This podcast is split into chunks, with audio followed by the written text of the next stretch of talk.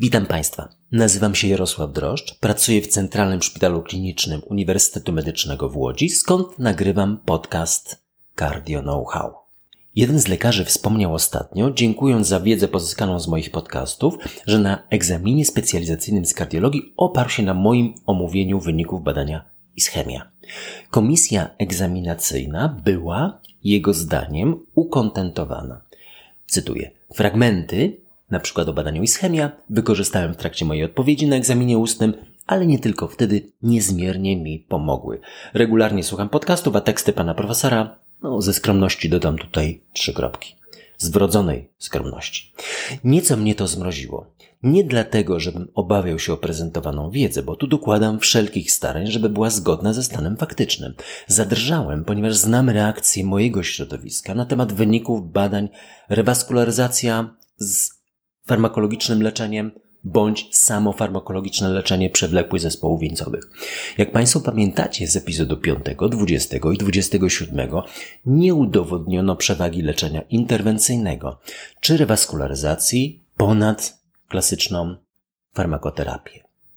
Pomimo ponad 5 tysięcy chorych z przewlekłym zespołem wieńcowym i potwierdzonym niedokrwieniem oraz 4 lat obserwacji w największym i najbardziej aktualnym badaniu ischemia. Zgadzały się to z zasadniczą linią poprzednich badań, ale oczekiwania części badaczy były inne. Środowisko kardiologiczne może tu także mieć dwa odmienne podejścia i delikatnie proszę traktować ten temat na egzaminach, ale zupełnie inaczej w codziennej pracy. Od początku badania ischemia inicjowało dyskusję w środowisku i to na całym świecie. Stawiono pytania, jak można w ogóle nie kierować pacjenta do koronografii, skoro ma dolegliwości wieńcowe. Albo nie kierować do koronarografii i rewaskularyzacji, skoro potwierdzono wspekt. Niedokrwienie. Ograniczenie działań wyłącznie do farmakoterapii ociera się przecież o błąd w sztuce medycznej, mówiono. I znakomite ośrodki kardiologiczne nie przystępowały do tego badania z powodu konfliktu z własnymi przekonaniami. Bardzo ich za to cenię. Też tak działam ale nie w badaniu ischemia, bo w tym konkretnym przypadku od początku wydawało mi się, że nie uzyskamy istotnej przewagi interwencji. Rozsądni kardiolodzy ceniają pozyskane wyniki i skoro medycyna to nauka, analizują je na chłodno i nie kierują chorych z przewlekłym zespołem wieńcowym do koronarografii, lecz zdecydowanie skupiają się na eliminacji czynników ryzyka i farmakoterapii. Zgodnie z zasadą. Najpierw myślę, potem działam ani odwrotnie, jak niektórzy moi koledzy. Przeprowadzimy koronografię i zobaczymy, pomyślimy. Część z kolegów niestety myli dwie grupy chorych. Ostre i przewlekłe zespoły wieńcowe i ocenia, że tak jak fantastycznie kardiologia interwencyjna redukuje śmiertelność w ostrych zespołach wieńcowych, pięciokrotnie nie ma innego przypadku w medycynie, moim zdaniem w kardiologii, który tak skutecznie działa.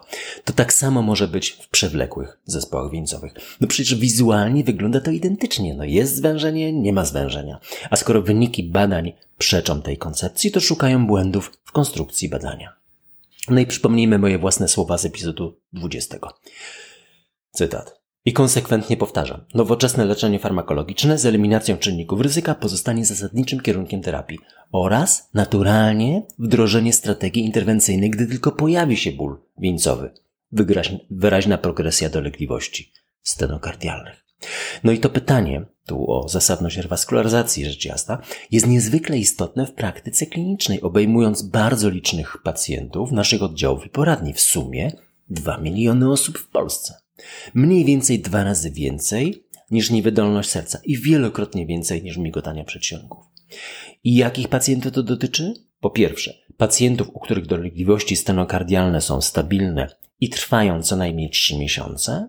Po drugie, pacjentów po zawale serca lub rewaskularyzacji przezskórnej bądź operacyjnej. I po trzecie, pacjentów, u których rozpoznano istotne zwężenie tętnic wieńcowych w badaniach przesiewowych niezależnie od dolegliwości. Ale oczywiście nie ostre zespoły wieńcowe. Na początek. Bardzo dobra informacja. Rokowanie w przewlekłych zespołach wieńcowych jest dobre. Rocznie jedynie co 50 będzie miał zawał serca i śmiertelność zbliżona jest do umieralności populacyjnej 1, czasem 2%. Porównajmy to z przewlekłą niewydolnością serca, gdzie śmiertelność jest pięcio, dziesięciokrotnie wyższa. Przy tym samym nasileniu dolegliwości, przykład stenokardialne klasy CCS odpowiadają klasie Nycha.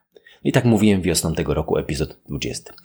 Dodam tu jedynie, że znakomity ekspert niewydolności serca, jeden z najczęściej na świecie cytowanych naukowców, pan profesor Piotr Ponikowski, wspomniał, ponieważ to było prezentowane w sposób otwarty dla publiczności, pozwalam sobie wskazać na źródło. A prezentowane to było podczas prapremiery nowych wytycznych niewydolności serca we Wrocławiu w sierpniu, koniec sierpnia tego roku. Pan profesor Piotr Panikowski wspomniał, że podobnie jak w przewlekłych zespołach wieńcowych, także w niewydolności serca nie ma dowodów na zasadność rewaskularyzacji, pomimo że większość niewydolności serca jest etiologicznie zależna wręcz, nie tylko związana, zależna od niedokrwienia. Aż tu sobie siedzę w ostatnią niedzielę wieczorem i czytam właśnie otrzymanego maila z aktualnymi publikacjami z jednego z najlepszych pism kardiologicznych świata. European Heart Journal. I widzę świeżusieńki artykuł doktora Eliano Navarreze z zespołu pana profesora Jacka Kubicy. Gratuluję ci, Jacku. Miłosz Jeguszewski również, gratulacje, niskie ukłony. Metaanaliza wszystkich randomizowanych badań z zakresu rewaskularyzacji plus OMT, przewlekłych zespołów wieńcowych versus OMT. OMT to jest optymalna strategia farmakologiczna, optymalne leczenie farmakologiczne. Przeczytałem całość, nawet razem z suplementem, który ma, uwaga, 50 stron. I tu dziesięciopunktowe podsumowanie. Po pierwsze, pierwsze zdanie już tej publikacji wprowadza nas w temat i tłumaczy, dlaczego w tym epizodzie po raz kolejny w tym roku zajmujemy się tą tematyką. Cytuję polskie moje tłumaczenie. Przewlekłe zespoły wieńcowe stanowią najistotniejszy, most prevalent, problem wśród osób po pięćdziesiątce, zważywszy na inwalidztwo i wczesną umieralność. Drugi akapit. Rewaskularyzacja przynosi korzyści doraźne w zakresie symptomatologii przewlekłych zespołów wieńcowych z zachowaną frakcją wyrzutową, ale wpływ na rokowanie jest nieznany. Dodałbym tutaj sam nieznany pomimo ogromnych nakładów, licznych badań. W następnym punkcie to omówię, oraz starań najlepszych z najlepszych z całego świata, aby tę korzyść potwierdzić. I dodałbym też co powiedziałem w epizodzie 41. Rozstrzygnięcia nie mamy także w grupie pacjentów z obniżoną funkcją skurczową lewej komory. Trzeci punkt. Znakomity wybór prac włączonych do publikacji.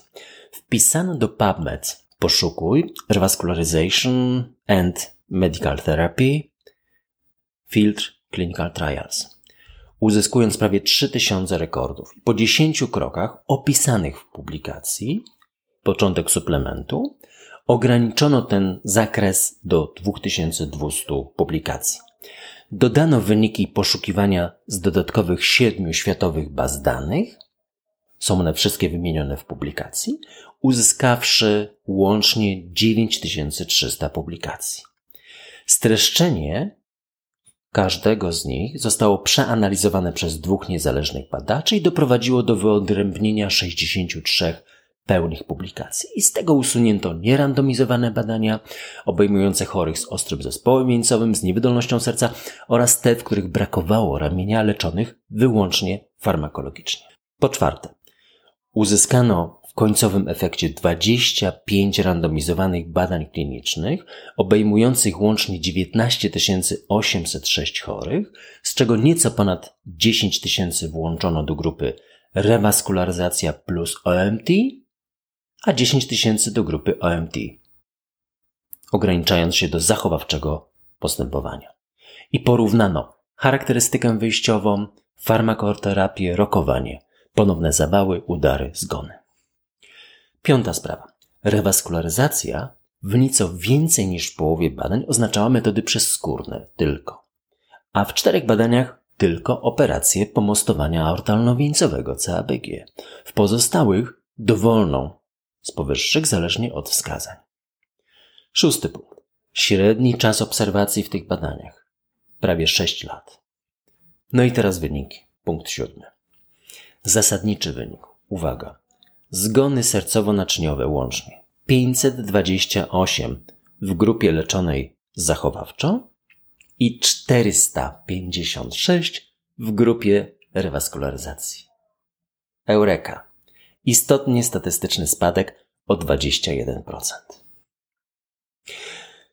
Ósmy punkt. Wyodrębnienie podgrup zgodnie z obrazem klinicznym, jako nowo powstałe OZW, oczywiście w obserwacji odległej, obraz tętnic wieńcowych, np. CTO, czy metodę rewaskularyzacji, angioplastyka, bypassy, daje takie same wyniki.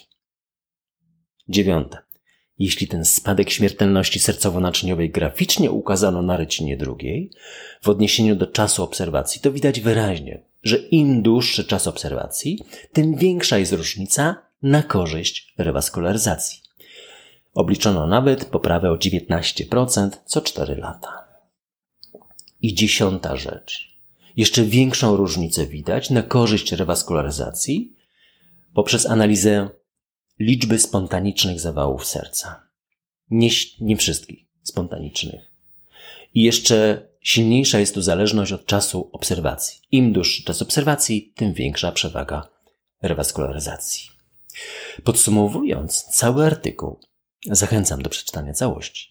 Stwierdzają autorzy trzy niepodważalne elementy. Po pierwsze, istotnie mniejsza śmiertelność naczyniowa w grupie kierowanej do rewaskularyzacji towarzyszącej standardowej czy optymalnej terapii farmakologicznej.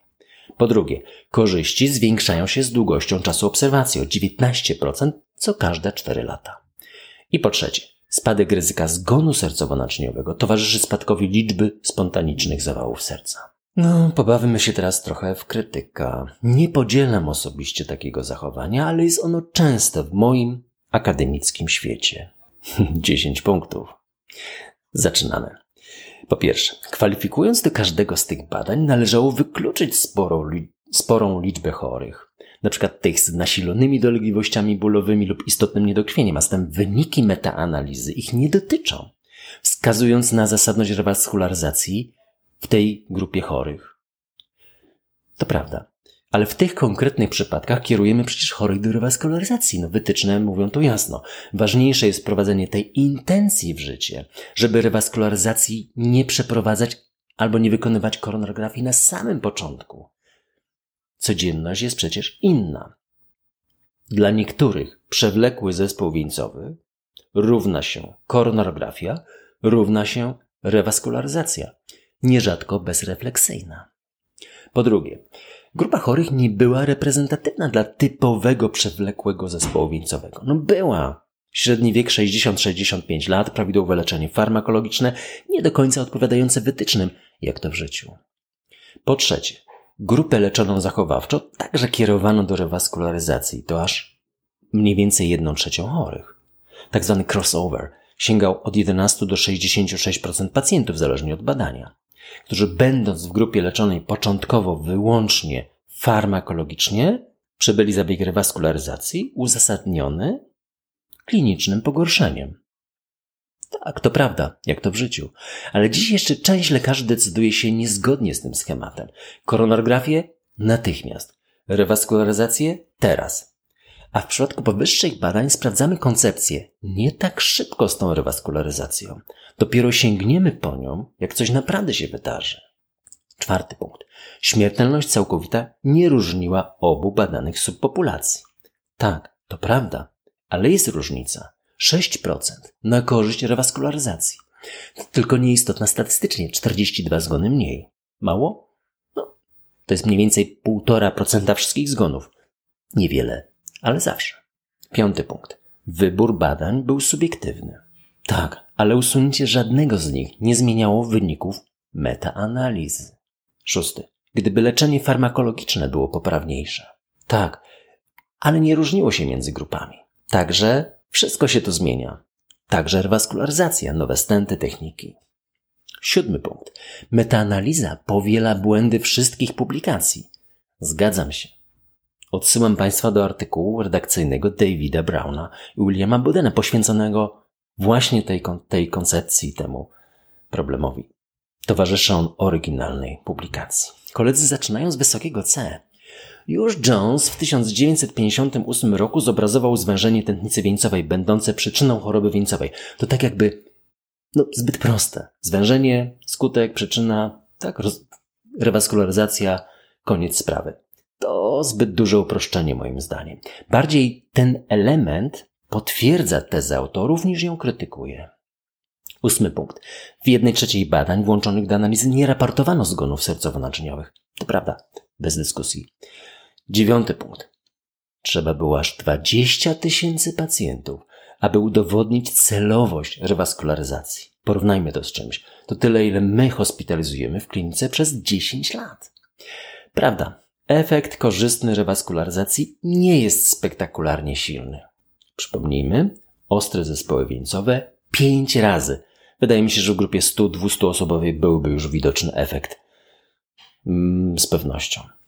I dziesiąty punkt. Rokowanie w przewlekłych zespołach wieńcowych jest dobre. W obu ramionach. Absolutnie prawda. I to wyjaśnia punkt poprzedni. Śmiertelność całkowita 13% w okresie 6 lat. 2% rocznie. W przewlekłej niewydolności serca nawet z zachowaną funkcją skorczową jest 14% na 26 miesięcy. To nieco ponad 2 lata, a zatem 3 razy wyższe. Przy lepszym leczeniu, bo to różnica między tymi dwoma badaniami to 5 lat. Moje wnioski. Warto jednak wnikliwie identyfikować chorych z przewlekłym zespołem wieńcowym i tych z najcięższą postacią kierować do diagnostyki inwazyjnej i rewaskularyzacji, ale po pierwsze, poprzedzić ją diagnostyką niedokrwienia, jak w powyższych badaniach scyntygrafia, bo próba wysiłkowa jest mało specyficzna. Po drugie, ocenić szanse przeżycia co najmniej kilku lat. Wyniki metaanalizy na przykład według mnie nie dotyczą 80-latków. Po trzecie, zawsze skupić się na perfekcyjnej farmakoterapii. Angioplastyka tego nie zmieni. Czwarte, wyeliminować czynniki ryzyka, bo to ma zdecydowanie silniejszy wpływ niż rewaskularyzacja. I piąte, można, można prowadzić zachowawczo chorych z przewlekłym zespołem wieńcowym, nie wykonując nawet koronarografii ani rewaskularyzacji, gdy znamy nawet obraz tętnic wieńcowych. Czekamy wówczas na postęp obrazu klinicznego. Doświadczenie moje podpowiada, że gdy pacjent prowadzi zdrowy styl życia i jest poprawnie leczony, nic, nic przez długi czas się nie dzieje. No dziś coś z nowości wydawniczych. Michał Nogaś. Z niejednej półki wywiady. Wydawnictwa Gora 2020. Mała dygresja. Wojciech Mann i Michał Nogaś omawiali przed laty w nieistniejącym już radiu nowe pozycje książkowe raz w tygodniu i właśnie w piątek rano.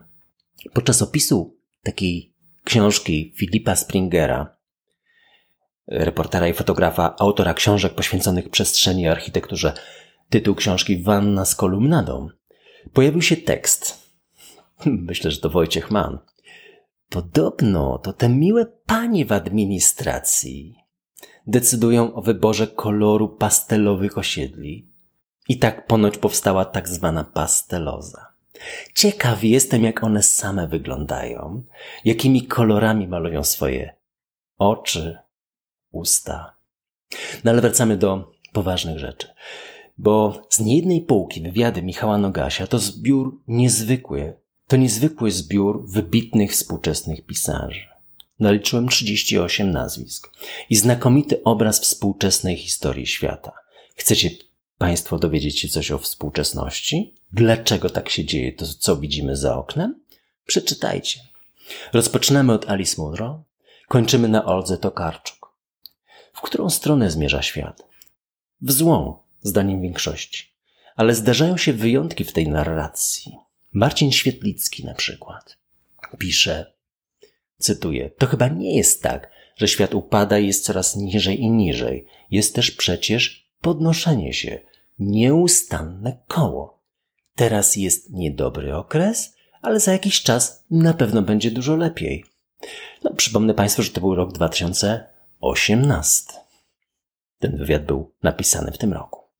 A Timothy Garton Ash w tym samym roku dodaje, Dziś wydaje nam się, że nadeszły długie lata pesymizmu i Chiny, Putin, Orban i K wygrają.